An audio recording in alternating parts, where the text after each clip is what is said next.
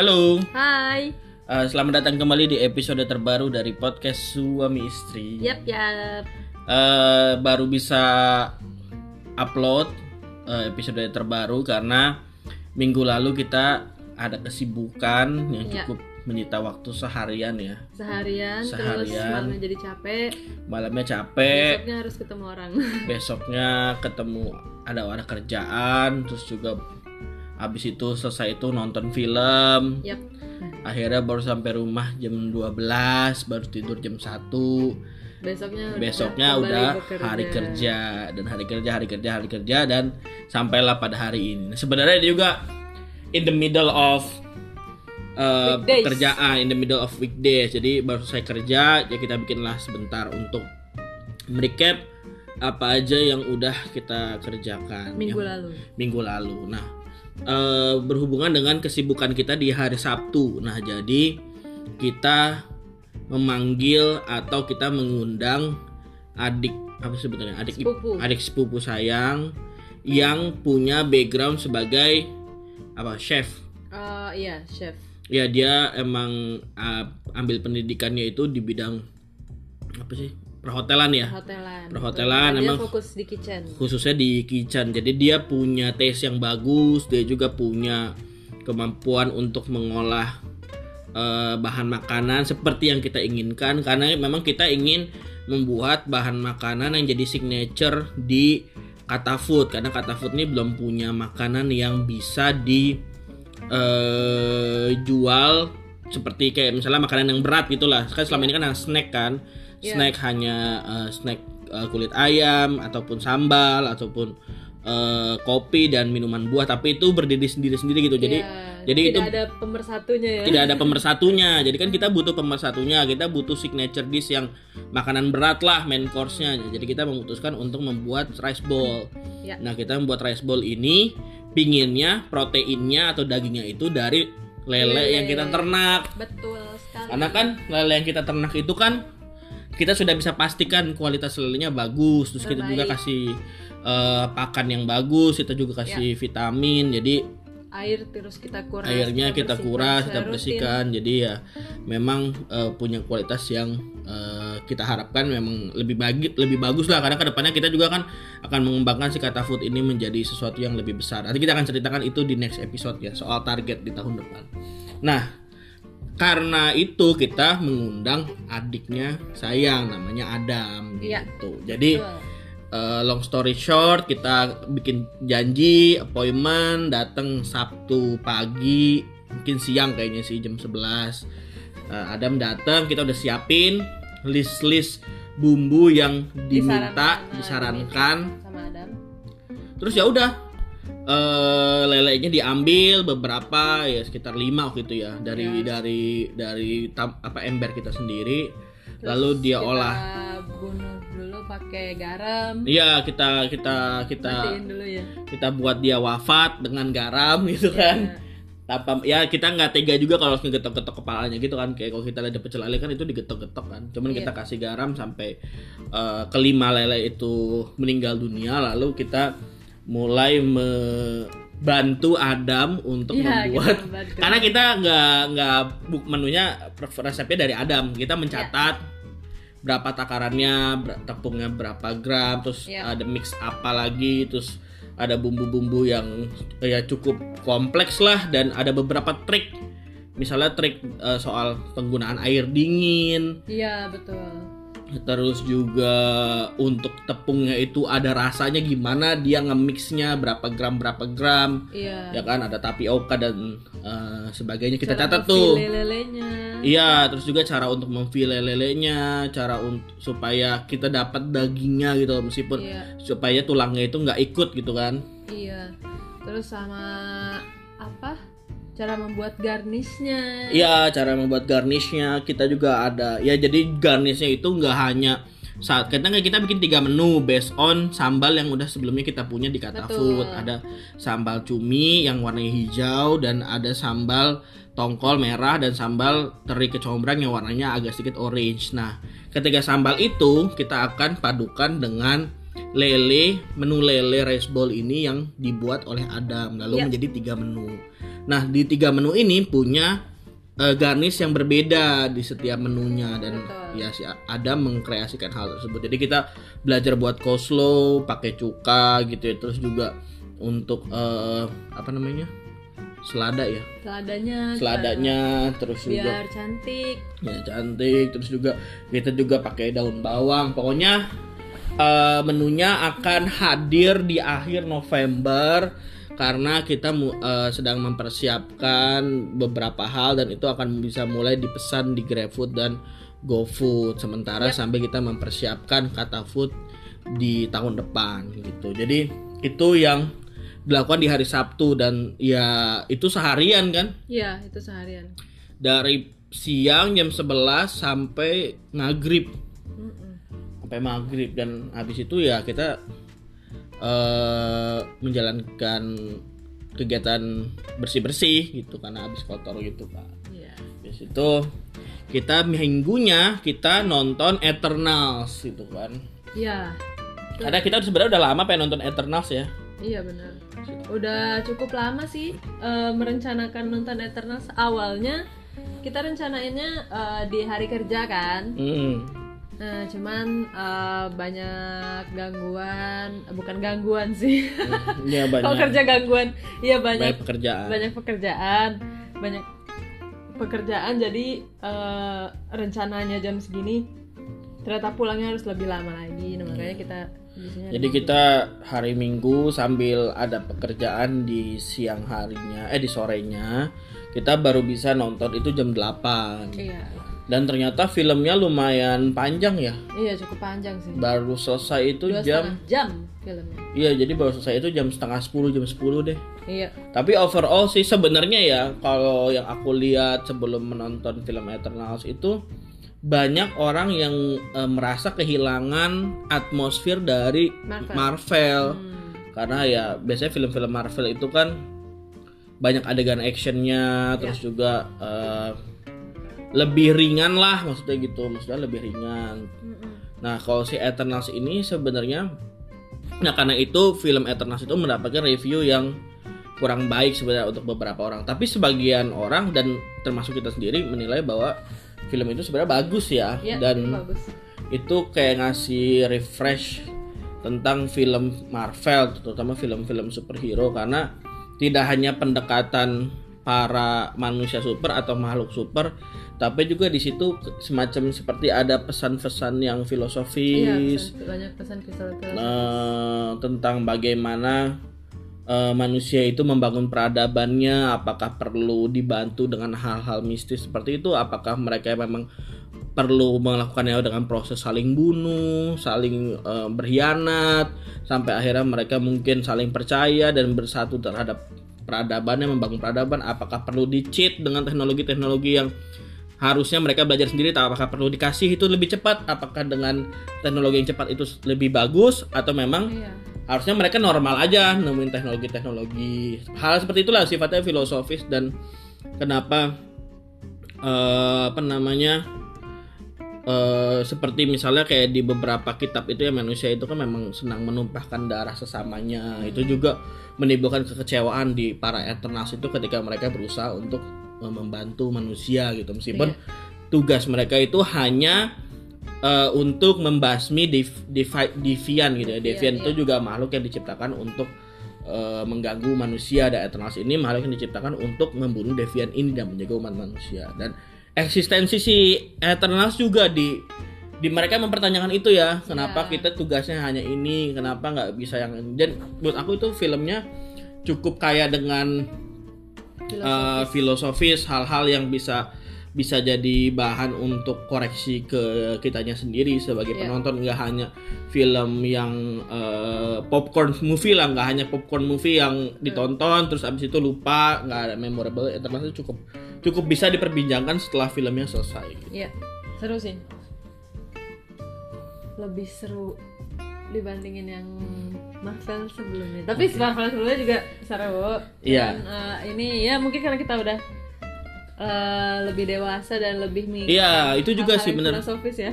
Iya benar, karena karena kita sudah aku misalnya udah masuk ke 30, saya juga udah di atas 25 tahun.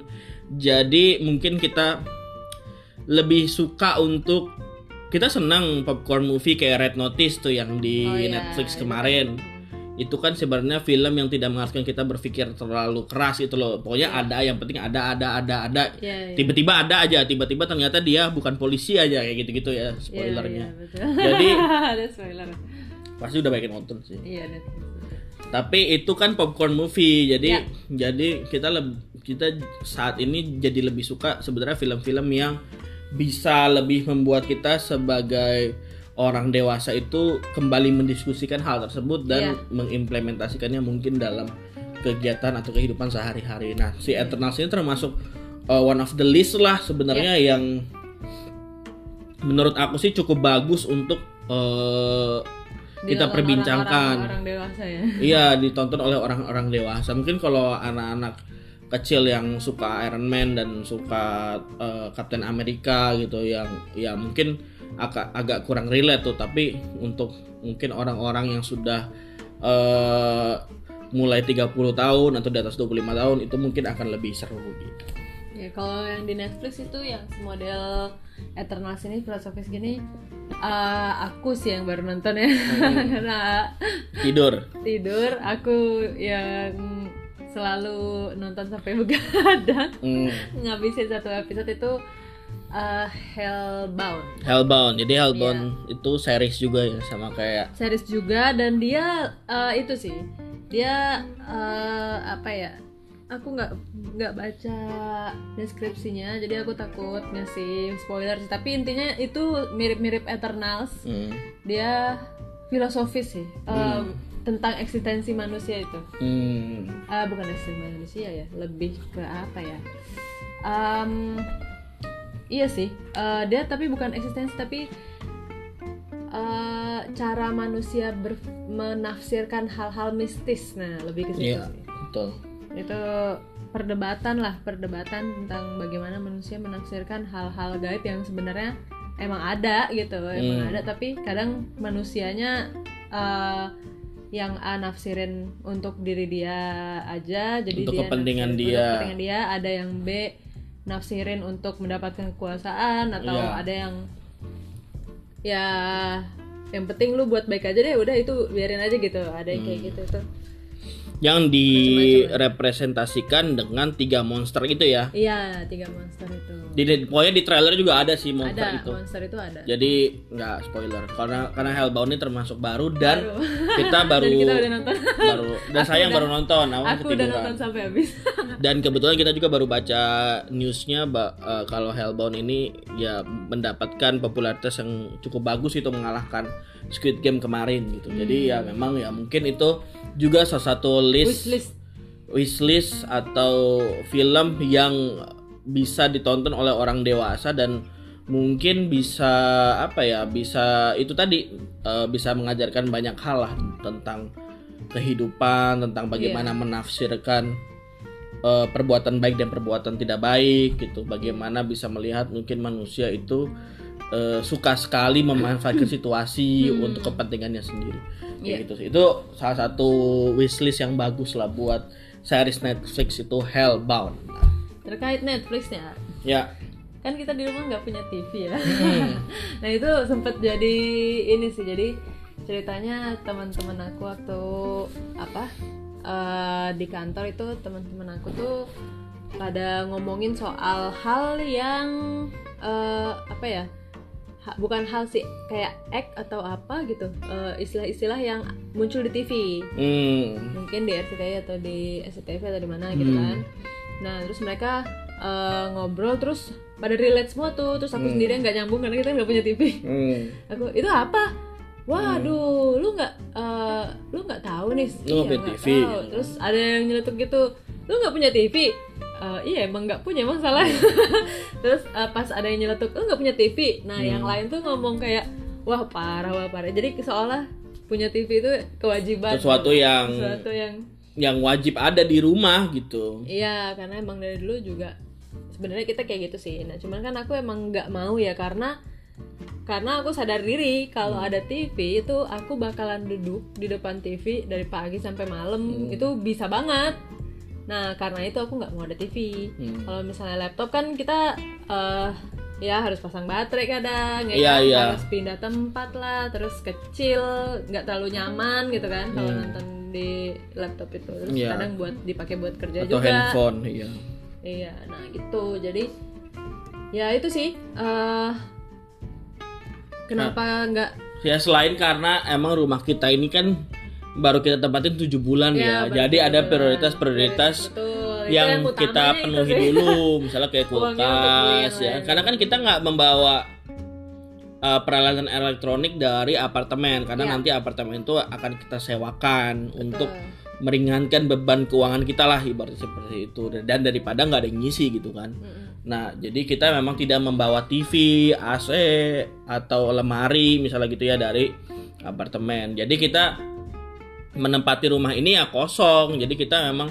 memprioritaskan untuk beli lemari dulu, terus juga kita beli hordeng, beli kulkas, terakhir ada dispenser dan segala. Dan memang TV itu sesuatu yang tidak kita jadikan prioritas Iya. gitu untuk menjadi bagian dari isi rumah ini terburu-buru gitu dan, dan mungkin ya karena kita juga cuma berdua ya kita Iya. nggak punya belum punya anak Eh, jadi mungkin eh, mungkin kalau anak-anak nonton TV ada tayangan hiburan yang pengen Iya. dia tonton atau film-film anak-anak gitu ya Betul. ya meskipun menurut kita sih ya itu kan ada pertanyaan kan lah lu di rumah ngapain aja gitu kan Oh iya nah sebenarnya menuju ke situ pertama kita juga udah sebenarnya agak bingung kalau di TV itu nonton apa karena Mm-mm. udah nggak menurut aku sih udah nggak ada tayangan yang menarik untuk diikuti gitu kan. Kebanyakan sinetron atau acara gosip gitu ya. Jadi ya memang ya buat apa gitu ada TV sementara kan kita udah men- mensubstitusi itu dengan nonton film di Netflix gitu kan. Ataupun kita nonton YouTube. Misalnya ada beberapa konten YouTube yang pengen kita tonton atau pengen kita jadikan sumber rujukan untuk belajar. Misalnya kayak YouTube-nya Raditya Dika kita sering nonton atau Iya. YouTube-nya eh Deddy Corbuzier atau YouTube-nya Gita Wiryawan Iya. itu bisa kita jadikan eh, tontonan gitu loh. Karena memang konten-kontennya menurut kita sih eh, apa ya bisa untuk kita jadikan bahan perbincangan selanjutnya gitu. Terutama mungkin konten-kontennya kita Wiryawan gitu ya. Itu kan karena tamu-tamunya atau narasumber narasumber dihadirkan itu kan punya eh, kualitas atau kompetensi yang bagus bagus gitu jadi Iya. jadi kita bisa jadikan itu bahan untuk obrolan selanjutnya dan memang kedua karena kita emang orangnya sering ngobrol Ya, jadi pertanyaan temen aku yang lah, lu nggak punya TV, terus ngapain aja lu di rumah? Bengong gitu, nggak ada TV. Ya, karena mereka kan sampai rumah langsung duduk di depan TV gitu kan. Nah, kalau kita ya Kalau kita memang mengisi, mengisi waktu, waktu kosong, kosong dengan dengan, ngobrol ngobrol. dan itu kadang-kadang malah jadi ngabisin waktu sampai malam gitu. Iya. Karena kita ngobrolnya nggak berasa tiba-tiba udah malam. Nah mungkin Hmm. itu juga hal yang eh, poin yang diuntungkan dari hubungan kita karena kan kita Iya. sebelumnya pacaran 10 tahun gitu ya. Betul. Jadi apa yang saya pikirin atau apa yang aku pikirin tinggal aku sampaikan saya pasti langsung ngerti Iya. atau misalnya aku punya masalah apa mungkin saya bisa ngerasain atau Iya, saya punya betul. masalah apa aku bisa ngerasain jadi kita memang mengisi waktunya dengan ngobrol diskusi Iya. dan itu eh, cukup memakan waktu bahkan kadang-kadang kita bisa diskusi tiba-tiba sampai jam 12 malam Iya. dan dan nggak ada makanya di situ nggak ada lagi celah untuk kita nonton TV gitu maksudnya Iya. Jadi Dan- emang emang ya ya nggak ada TV di rumah ya ya ngobrol gitu. ngobrol atau nonton Netflix Jadi atau kita nonton lebih YouTube banyak diskusi, banyak ngobrol, Iya. banyak nggak tahu ya kayak nggak habis aja sih ceritanya. Iya, mungkin. Iya, nggak- nggak habis aja. Ada ada masalah baru. Ya, kadang kan- kadang kita betul aku cerita masalah aku di kantor, kadang aku minta saran Iya. kak soal ini gimana ya, Iya. nanti ini gimana ya gitu. ya mungkin juga karena eh, kita kan berasal dari background yang berbeda ya jadi eh, Iya. yang diobrolin tuh pasti halnya Hal selalu untuk hal gitu. baru baru untuk aku Terus tapi nggak baru- dirasain sayang ya betul, baru baru untuk sayang aku, tapi nggak tapi dirasain nggak aku. Jadi ya kita sharing gitu dengan dengan hal, -hal tersebut. Dan memang aku rasa sih kalau untuk anak-anak zaman sekarang kayaknya juga sama deh bakal bingung. Mereka juga kayaknya nggak nonton TV mereka Iya sih mereka juga. mereka mungkin ya streaming atau denger Spotify iya, kalau mau dengar kayaknya kalau di kereta gitu kan ngeliat-liatin HP, pasti Iya. minta HP sih. Iya Ya pasti kan, nonton minta nonton YouTube, YouTube atau nonton streaming para konten kreator atau dengerin podcast. Kayaknya juga kenapa masih soalnya ya nggak bisa dipungkiri kalau isi tayangan TV sekarang ya kalaupun memang pingin nonton rekapnya atau yang eh, tayangan TV ya di YouTube juga ada kadang-kadang ada Iya, episode betul. sinetron jadi mungkin lebih fleksibel sih kalau nontonnya di YouTube atau misalnya kita nonton filmnya Netflix gitu ya Betul. dapat Atau film-film mungkin update nanti juga kita mau beli TV itu kalau kita udah punya PS kali ya. ya mungkin dan dan ya mungkin game. kita juga bakal cenderungnya ke ke itu dan Smart TV lagi biar bisa atau smart YouTube. TV. Jadi di smart TV ya nontonnya YouTube, bukan Iya. tayangan-tayangan TV. Jadi selama ini kan kita nonton YouTube kan di laptop, di handphone ya kita ya kalau mau beli ya smart TV yang bisa nayangin.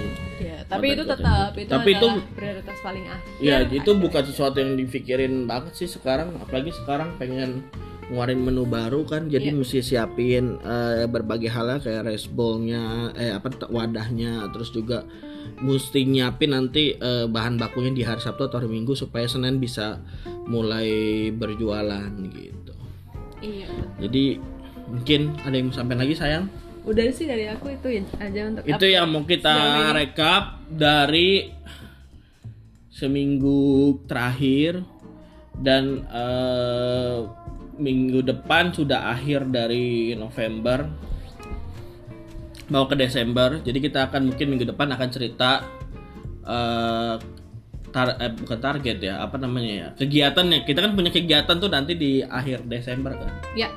kita akan berkunjung ke salah satu eh ke rumah ke rumah adik Iya. rumah adiknya sayang karena ada event eh, dan harus naik pesawat jadi nanti kita akan share soal itu dan akan share soal apa yang mau kita capai di tahun 2022 karena memang di tahun 2021 ini banyak evaluasi karena memang ada ya namanya target ya kadang-kadang tercapai kadang-kadang tidak tercapai tapi kita harus cepat untuk untuk keep going untuk tetap Ya. bikin rencana baru Betul. supaya kita bisa nemuin formula yang tepat untuk kehidupan ini mana yang tepat gitu Ya. ya itulah mungkin keasikannya karena dunia kita berbeda Ya. oke mungkin itu aja yang mau kita sampaikan pada eh, episode kali ini sampai jumpa di episode selanjutnya dadah Bye.